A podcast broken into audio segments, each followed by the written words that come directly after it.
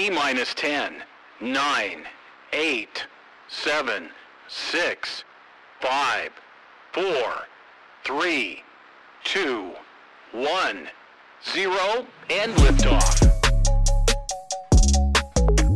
Okay, um, today we're uh, we're really pleased to be um, joined by um, an exciting guy from, from the space industry, um, Dr. Peter Worden, um, chairman of the Breakthrough Prize Foundation. Uh, welcome, Peter. Thank you. Um, before uh, your current role, uh, you were director of, of NASA Ames Research Center at the Moffett Field in, in, in California.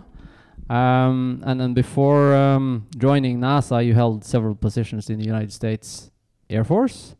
Um, and you also was a were a research professor of astronomy at the University of Arizona Tucson. Um, you were held as an, a recognized expert in, in uh, many issues with, within uh, space, both civilian and military. Um, you authored and co-authored more than 150 scientific papers within astrophysics, space sciences, and strategic studies. Um, so, um, so I, I, guess when we, we, we we turn to you to to look at the space industry, we come to the right uh, come to the right guy. Um, so, so before we, we come to um, sort of today, what you were active in today, I, I, would like to sort of challenge you to look look back a little bit at the space industry over the period of time that that you've been active and and and see if there's been some developments that are particularly exciting and, and sort of how the, the industry has developed over, over that period of time. Well, I should probably start with you know my own interest in space. Uh, it began when I was about six years old, and my mother gave me some books on on, on space science. Uh, and I always told everybody I was going to be an astronomer.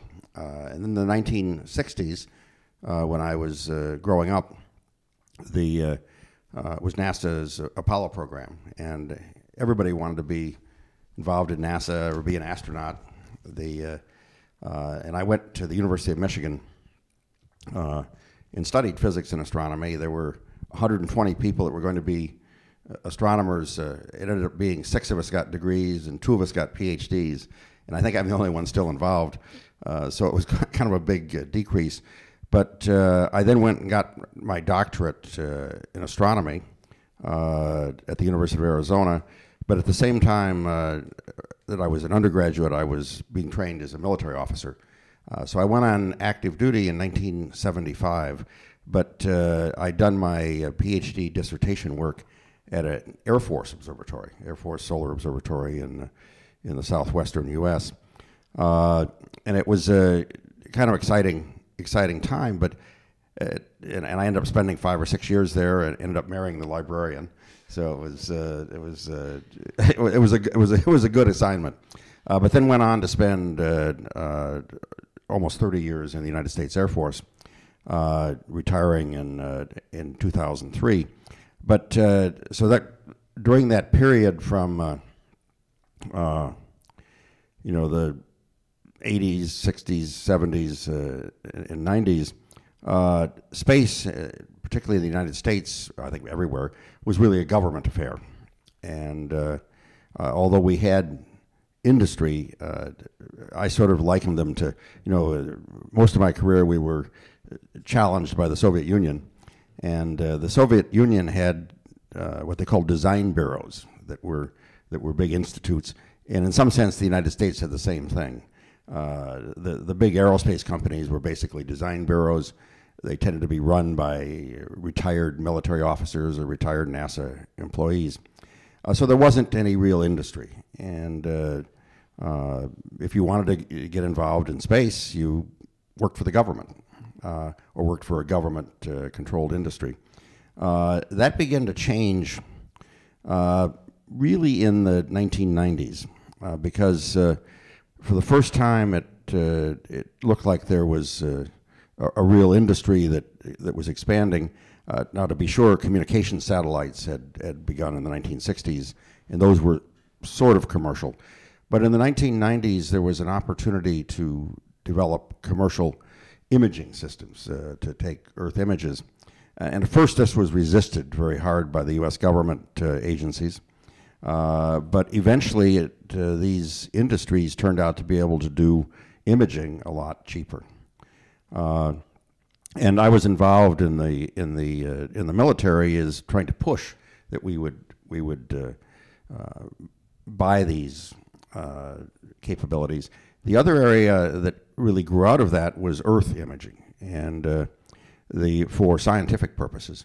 Uh, and NASA began in the 1990s to uh, to start looking at uh, at uh, commercial imaging uh, for scientific purposes, but uh, still these satellites were big. They were you know metric ton or many metric tons.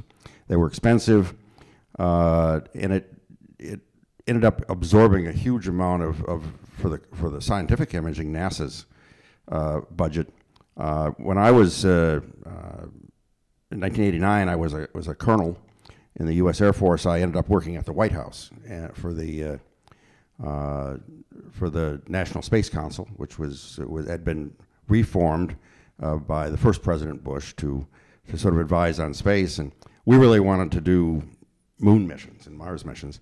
NASA said they wanted to do those, but they wanted their budget tripled and uh, the uh, at the same time they were spending huge amounts of money on uh, on Earth imaging for scientific purposes, and so we felt that uh, NASA needed to do things a lot cheaper, and so a, a couple major revolutions began in the 1990s.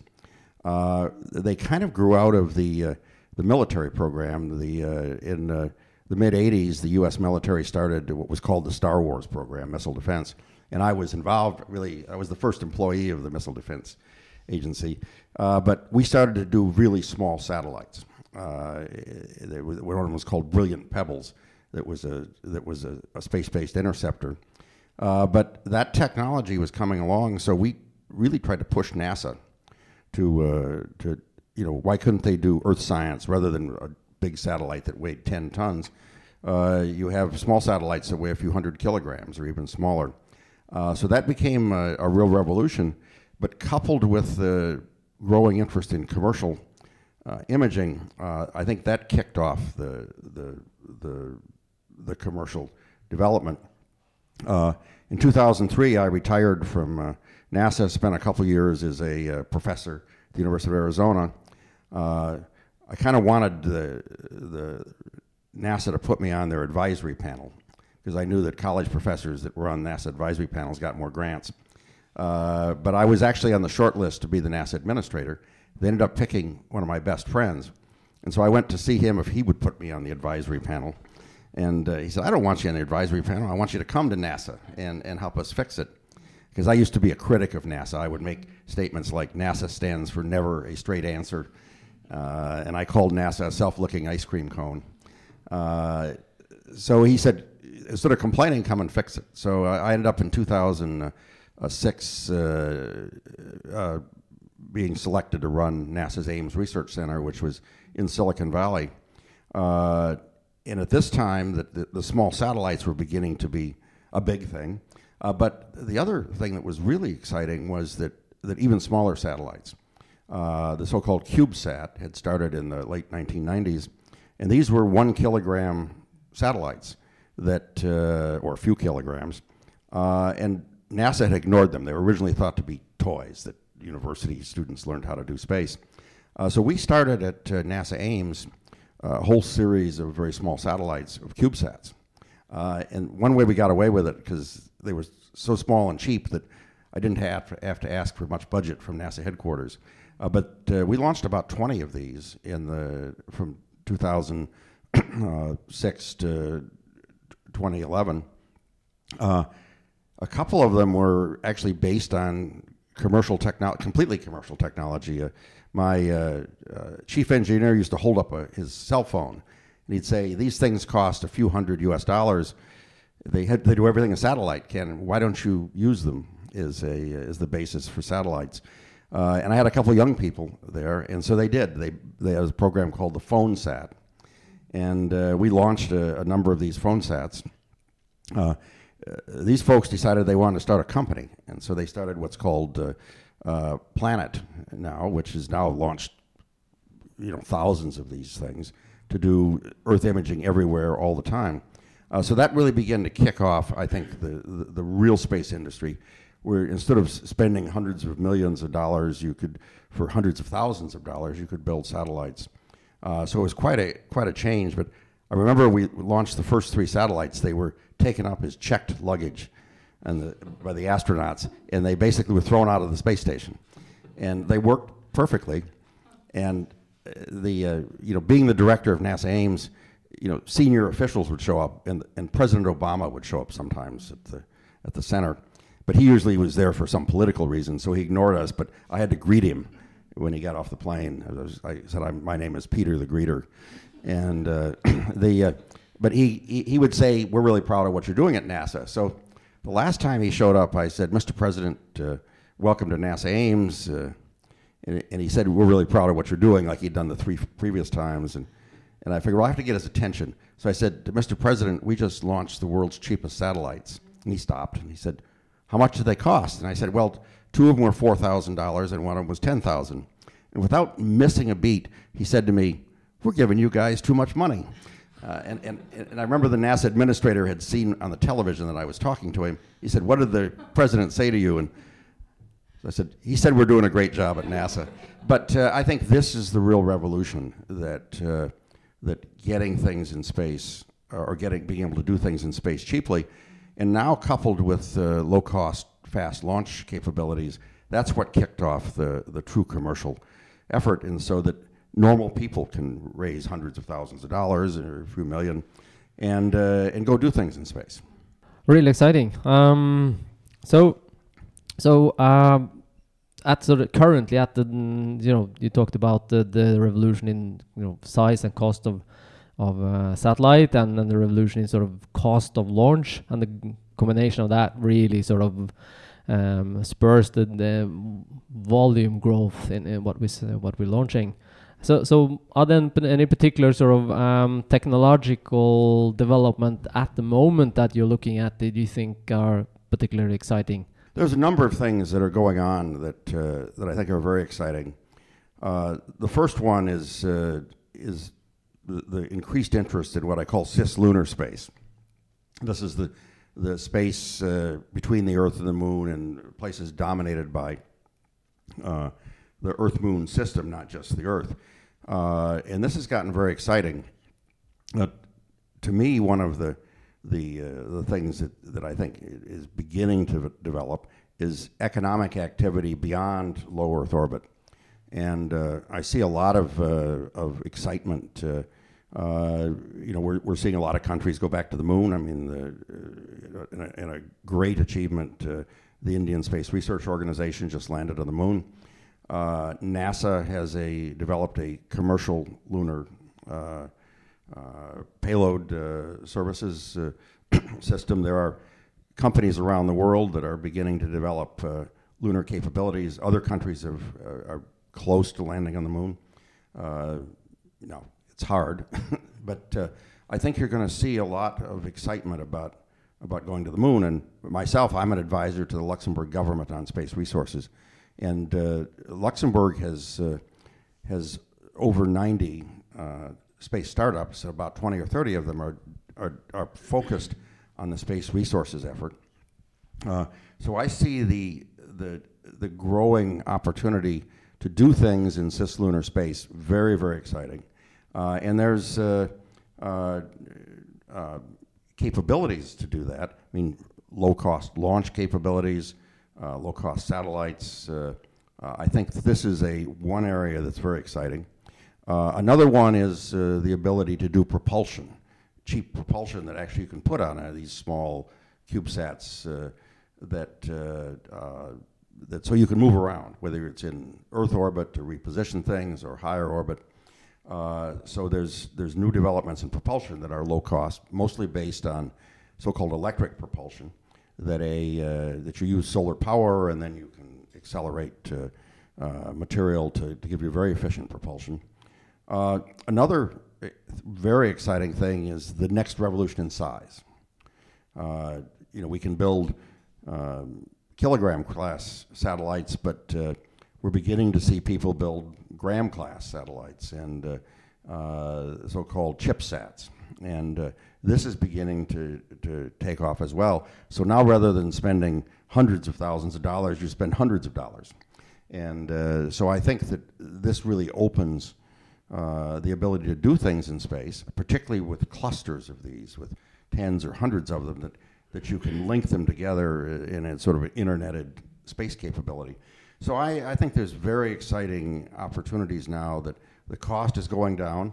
Uh, commercial companies like SpaceX are, are you know, launching every, every week now. Uh, you, can, you can buy a ride uh, for very cheap. Other companies uh, like the New Zealand Rocket Lab uh, and in, in, Norway here, the, the new spaceport is, is a really major opportunity that, that some of these low cost launch are going to be quite exciting. So, so um, when you talk about sort of um, cislunar um, activities, are, are we talking about sort of uh, retrieving resources? Is that sort of the the opportunity that we're looking for there, or what are sort of the objectives that you see, or is it sort of scientific uh, discovery, or? Well, really, there's all of the above. There's uh, uh, huge scientific uh, efforts. Uh, that much of the the its exploration, and not just exploration of the of the moon itself, but uh, Uh, of uh, the physics in space, uh, uh, which dominates a lot of activities both in orbit and even on the Earth. so, space weather, it's sometimes called. This is a scientific area, and it the the lower cost things get, that it means that that schools, even small schools and high schools, can do things. Uh, it it begins to open up space as the uh, Arctic and Antarctic uh, exploration opened up. That, so the first one is really a scientific effort. Uh, the second uh, effort really is resources, and uh, as we go deeper in space, and and people like Elon Musk want to put a, a, settlement on Mars, and others want to put settlements on the moon, that uh, you need fuel. And uh, I think, and this is one of the basis of, of Luxembourg's effort and others, is that getting fuel from the lunar surface or from uh, other objects in space called near Earth asteroids is quite an uh, exciting effort. Now, it probably will take another decade for that to mature, but I think ultimately we'll build gas stations in space. And then the third area that's actually quite exciting is that uh, I suspect uh, within a decade we'll see uh, human settlements on the moon and then ultimately on Mars, maybe five years later. Uh, when you start to have people living elsewhere, then supplying them with, with resources, it's a lot cheaper to supply them locally. And, uh, uh, and that process is just beginning. and finally, I guess there's, there's security implications. Uh, we're seeing uh, lots of countries now excited about uh, space, and uh, some of them are not so friendly to to uh, to Western interest. Uh, and I, there's increasing attention to what's going on in cislunar space. It, it, turns out if you're if you're in deep space, especially in certain key locations, it's very easy to get to to geosynchronous, uh, which is the key communication area, and others without being seen. So one of our first objectives in security is to, is to figure out what's going on. It's called space domain awareness. And uh, that's an exciting area. Another one that's, uh, that's in low Earth orbit and even higher is to uh, remove junk, the so called space debris removal. And uh, I think that's a new opportunity, and that will be not just in low Earth orbit, uh, but beyond. So these are all areas that, that in the next decade I think are going to be major focus areas. Okay, very good. Um, I just thought uh, since we were on on the topic of, of security, um, I had a question regarding um, um responsive space, so the ability to launch uh, payload into space at a really short notice, uh, and I guess that's uh, often rel um, uh, relevant when you when you talk about uh, security uh, issue. Exactly. through the 1990s, I was very active in trying to develop responsive space. Uh, and the idea is that if you're depending on space for security, uh, if somebody were to knock out a big satellite, uh, or you would lose it for lots of different reasons, it takes years and billions of dollars to replace them. Uh, as we develop smaller satellites that could uh, that could that could do most of the capabilities, that helps. But the question is, how long does it take you to get them there? In any military a- activity, there's a there's an old Civil War general in the U.S. that said uh, that the, the key is getting the fustus with the mustus, which uh, so if you if you can do something inside the the the act cycle of the of the uh, uh, adversaries, then you usually can come out ahead. But the question is, how do you launch things? I mean, it, you know, it used to be it took uh, several years to get ready to launch something. So uh, in the, uh, you know, I worked uh, at the Defense, U.S. Defense Advanced Research Projects Agency, and it persuaded the uh, the director there to uh, to start something called responsive space, and we looked at responsive launch. So how do you launch something quickly? And we had a major competition, and the winner was SpaceX. Uh, the I got to know Elon Musk during that period pretty well, and, and he was developing a small rocket, the Falcon 1, which uh, was a responsive uh, space system. The idea was you could launch it within a few days, that uh, would be sort of stored someplace. Uh, now, he went on to build much bigger rockets, uh, but uh, other companies are also looking at that, and I think that's one of the, the, the true assets that, that Norway will have with a, with a spaceport that's designed to do rapid launch, rapid turnaround. And it's uh, just as it is in national security, responsive space is good for commercial. Uh, if you can get something to market before somebody else can, that's a big competitive advantage. So having, I think, in Norway the capability of building small satellites, uh, you know, putting new things on them and getting them launched very quickly is going to be a, a huge competitive advantage that, that very few other countries have. So uh, to to your your current uh, current role in in um, the breakthrough breakthrough initiatives, uh, could you talk to us a little bit about what that is and what's the background what's the purpose and, and the plan and what sort of really are you trying to achieve in the breakthrough initiatives? Well, to start with, I need to explain my own long-standing interest, uh, and again, ever since I was a little kid, I was more interested in the nearby stars, and uh, uh, part of the reason is that uh, when we explored our solar system, we didn't find any evidence of, of certainly not aliens, uh, although some may disagree. Uh, the, uh, I don't think we found any evidence of aliens. Uh, we can get into that a different, different question. But the, the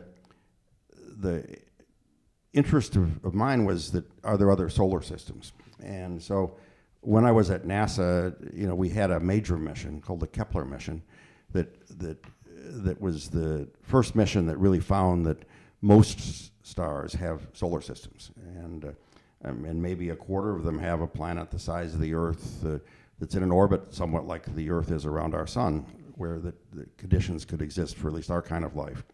So I was very interested in in this question of of uh, of nearby solar systems, the question of life, and then probably the biggest one is can we go there? Now, that is a really hard problem because the nearest star is 300,000 times further away than the sun.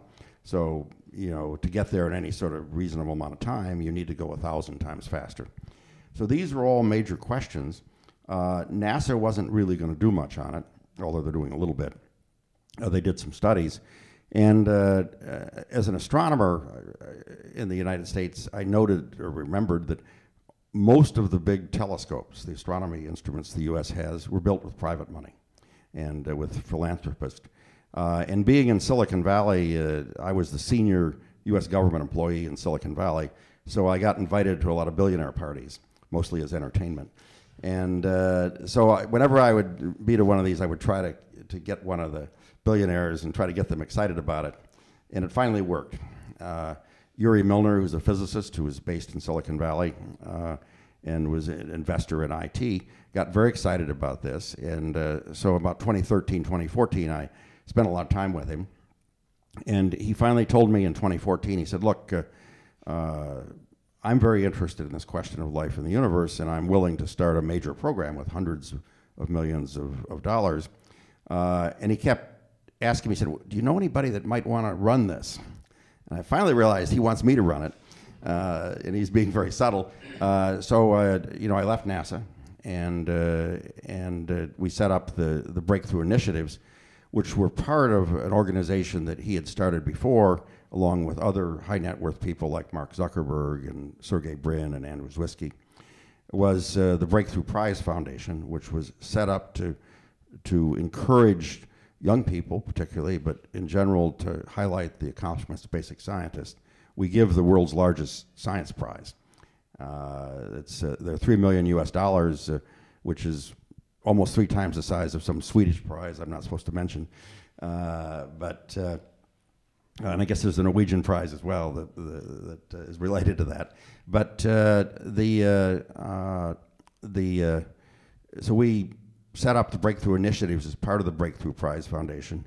Uh, Yuri asked me to be the chairman of the of the Prize Foundation, uh, but uh, the main focus of my effort is looking for life in the universe. And there's three things we're doing.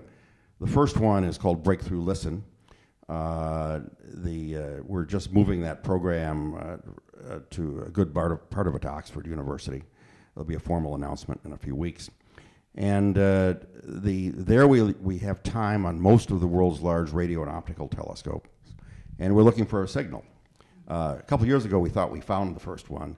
Uh, it turned out it uh, was probably interference from some terrestrial source. Uh, so one of our new initiatives is to try to put a radio telescope on the far side of the moon, which is blocked from all the interference from the Earth. So that's uh, going very, very well. the second major program is to look for any life in the universe. And we're focused on seeing if we can find a Earth-like planet orbiting one of the nearby stars. And uh, we have a number of programs that we've been working on for that. Uh, we've found a planet in the habitable zone of the very nearest st- uh, star like the Sun, Alpha Centauri A. And uh, it's, uh, it's a giant planet, unfortunately, so it's not the size of the Earth. Although we're reminded that the movie Avatar has a uh, a giant planet orbiting Alpha Centauri A that has moons that are the size of the Earth that you that are actually one of them is inhabited. Uh, so it's kind of exciting that uh, we're beginning to find things. So we have new programs, and hopefully in the next uh, five to seven years, we'll find planets like the Earth nearby, maybe life bearing. And uh, the second thing we're looking at in that program, it's called Breakthrough Watch, is in our own solar system. And we did a major study on uh, one place that scientists are beginning to be very excited about. The Earth's evil twin is Venus, and it's the surface is is literally hellish. It's 500 degrees centigrade on the surface, but at a, at a point about 50 kilometers above the surface, the temperature and pressure is about what it is in this room. Uh, the, uh, a couple of years ago, there was a detection of a gas called phosphine, which is a poison gas, but it's also on Earth always associated with life. So there are people that believe that there could be life uh, in the atmosphere of Venus, uh, and probably mi- microbes. But uh, uh, we did a study for a mission, and as it turns out, uh, Rocket Lab, the New Zealand and U.S. rocket company, the the founder of that, Peter Beck, loves Venus, and he thinks it's more exciting than Mars. So he was doing a private mission to that, and so we and another foundation have uh, funded the development of an instrument. So in about two three years, there'll be a, a private space exploration mission that'll drop a probe in the Venusian atmosphere, and we have an instrument that, that could, could begin to tell us if there's life there. So that's the second major program. The third one that I'm probably most excited about is figuring out can we develop technology to go to Alpha Centauri uh, maybe later this century. And we, uh, we did some major studies uh, and were helped a lot by our chief scientific advisor at the time was Professor Stephen Hawking.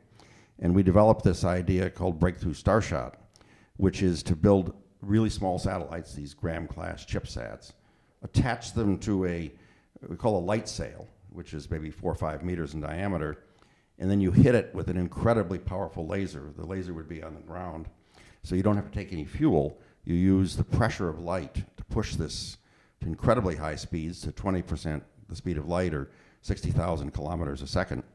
That would then get to Alpha Centauri in about 20, 25 years. It, you wouldn't stop, but you would fly through the system and take data, scientific data that we then could relay back to the uh, to the Earth. Uh, and we've just finished the first phase of that effort. Uh, we're hoping to, to, to persuade our sponsor and other sponsors to to go on to a second phase. But uh, to me, this is a, one of the most exciting things uh, is that you know that we can develop technologies that can allow humanity to reach the nearby stars, at least with probes. That's really really exciting. Um, so uh, I guess then you know the, uh, what you will achieve is sort of send back data to Earth and then be able to to uh, study uh, study the planet. Um, what is it that um, uh, makes the Centauri, Centauri B uh, exciting in terms of studying, in terms of looking for life? Well, Alpha Centauri, first of all, it's the nearest star system. the, the the next nearest star system is 50% more distant. But the interesting thing about Alpha Centauri is that most stars in our galaxy are not like the sun. They're much smaller. They're so-called red dwarf stars. Uh, and, the, and the other nearby stars are all red dwarf stars. The, the nearest star that's beyond Alpha Centauri, like the sun, is about three times further. Uh, so we're uh, very excited about it. But Alpha Centauri is interesting because it, it really has three stars. Uh, two of them are about the size of the sun, and they orbit around each other in, uh, in about 80 years. Uh, if you were sitting where we are and orbiting uh, the, the, the, biggest star in the Alpha Centauri system, Alpha Centauri A, uh, with an Earth, uh, you would see Alpha Centauri B about where the, the, the planet Uranus is. So it, it would be very bright, it wouldn't be very hot, but both of those stars could have planets. And uh, as I said, we've tentatively identified that there's a planet orbiting Alpha Centauri A, the biggest one, uh, in the habitable zone. There is a third star in the system that's very distant, and it's a red dwarf star. Uh, but we now know from indirect means it has three planets, uh, uh, one of which is about the size of the Earth and appears to be in the habitable zone. Although that's a different kind of star, so whether there's life there is a different question. So we know there's interesting targets there. Uh, the, the, second solar type star, we don't know of any planets yet, but we have a mission, uh, a small satellite mission we're going to launch in about two years that that uh, that will begin to tell us. We have a special way to to, to test for that. So it's uh, exciting. The other thing about that system is a little older than the sun. It's maybe the sun is about four and a half billion years. Best estimates are that Alpha Centauri is about six billion years old. So in some sense, it may be, uh, if we go and study these planets, we can see that these are an example of how our own solar system will evolve in the, in the future. So there's a lot of very exciting scientific uh, efforts. And of, of, course, if we find life there, uh, it may tell us that life is everywhere in the universe. And uh, uh so that's probably the best place to begin to look. Okay, exciting. Um, so um, moving on a little bit to to um, to where we are. Um, uh, in Norway and then uh, sort of um, Norway Norwegian uh, space industry. As you know, um, as it's and as you, you mentioned, Norway's on the cusp of getting, you know, low Earth orbit launch capability. Um, so, in your view, sort of how would that, how could that foster a, a domestic uh, industrial development within the space sector connected to launch, uh, launch and small sats and downstream downstream uh, application of satellite data in your your view? Well, to my mind, it's very important to have all of the elements of space that are kind of close together, and uh, that, uh, in my experience, the ability just to drive across town and talk to somebody rather than get on a plane and fly halfway around the world is very important to do things quickly and to do things cheaply. And it, it creates a, uh, I guess the word is ecosystem, that uh, that is conducive to inventiveness and and uh, and basically competitiveness. Uh, no other place in Europe now has a, uh, a, a launch capability and a space industry. I mean, Luxembourg, we don't have launch industry. We have a lot of spacecraft, but they have to go to the United States or to India or other places to, uh, or New Zealand even, to get uh, launches. So it's not an ability to do things quickly. And I think that that's a really major uh, breakthrough uh, in, a, in a sense that, that will enable very rapid development. Uh, and it, uh, even though this will be low Earth orbit launching, uh, with new propulsion systems, you can take a CubeSat and, and go to cislunar space. So it's, uh, I, I, think everything is here that for a, a major, a new industry and a new industrial center in Europe. So, you know, um, we are working on sort of trying to develop a, a, a cluster um, within this sector. And um, so, in your view, sort of what are key things we need to do to be able to help develop the ecosystem um, and, and to that achieve greater industrial activity than we otherwise would have? Well, I can use uh, Luxembourg as an example, which has been quite successful. And I think there's, there's four or five major efforts uh, the one that Luxembourg doesn't have is you're doing, which is a, which is a, uh, a, a, domestic launch capability. But one of the other ones is education, uh, and especially you know advanced graduate education. And I think that that's a, a, critical thing. Clearly, the top-notch universities are here to develop the ability for people to get advanced degrees and maybe even work part-time while they're getting the advanced degree. Uh, a second one is, is an investment uh, environment where there is uh, public and private investment. Uh, and, and, clearly, Norway has a, a lot of investment funds, uh, and I think it, it's a good environment for it. the third one is a legal system that, that encourages startups, and that's always a challenge a good friend of mine and is do, trying to do a startup in Germany, and there's a long bureaucratic process. So I think uh, Luxembourg has tried to make that easy, and uh, so the environment of having a uh, a uh, uh, a legal system that allows you to set up companies very rapidly. fourth, I think, is to get is public engagement, getting the public very excited and uh, and I think uh, the space cluster and the government and other agencies can really help on that. And the last one is a uh, is an international sort of legal framework uh, that uh, that to registration for communications, uh, all of the, the the, the bureaucratic things that are really international.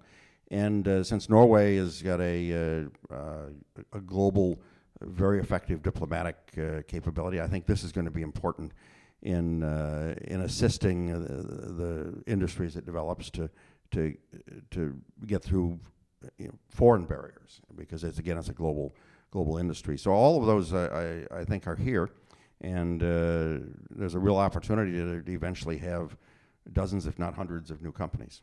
Uh, so uh, to finish off, the last question when we're on the on the topic of, of new companies. So if you were if you were an entrepreneur uh, today and were looking for an exciting um, um, uh, opportunity within the space industry, what would you what would the challenge be that you would take on as an entrepreneur? Well, one of the ones that that that hasn't been a lot of effort, but there's been a lot of discussion about is the tracking space debris in, in doing something about it. A small satellite can quite uh, effectively track things, uh, and most of the satellites in low Earth orbit are pointed down.